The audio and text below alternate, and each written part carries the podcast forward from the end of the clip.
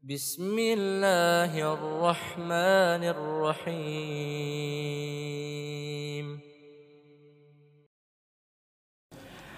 Eh, Ketika seseorang berzikir, apakah zikir tersebut bisa dijadikan jimat? Jelas ini terlarang dan ini hukumnya haram. Rasul sallallahu alaihi wasallam bersabda, "Man ta'allaqa tamimatan fa'taqada bihi faqad asyrak."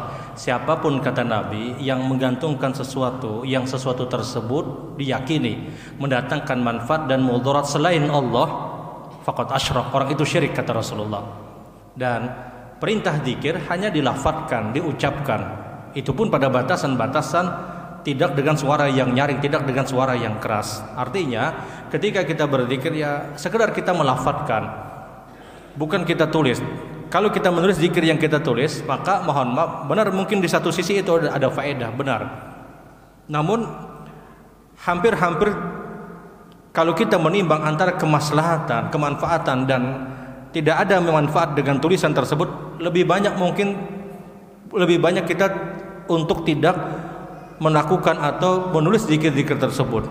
Kenapa? Karena perintahnya adalah kita diperintahkan untuk membaca, bukan diperintahkan untuk menulis. Berbeda dengan ketika kita hadir pada sebuah majelis taklim, maka benar beberapa perkataan yang banyak dinyatakan oleh para ulama, ikatlah ilmu kalian itu dengan tulisan agar apa? Agar kita ingat. Sementara zikir, mayoritas kita tahu zikir apa yang kita baca sehingga mohon maaf tulisan yang kita tulis dengan zikir-zikir tersebut hampir-hampir tidak ada faedahnya.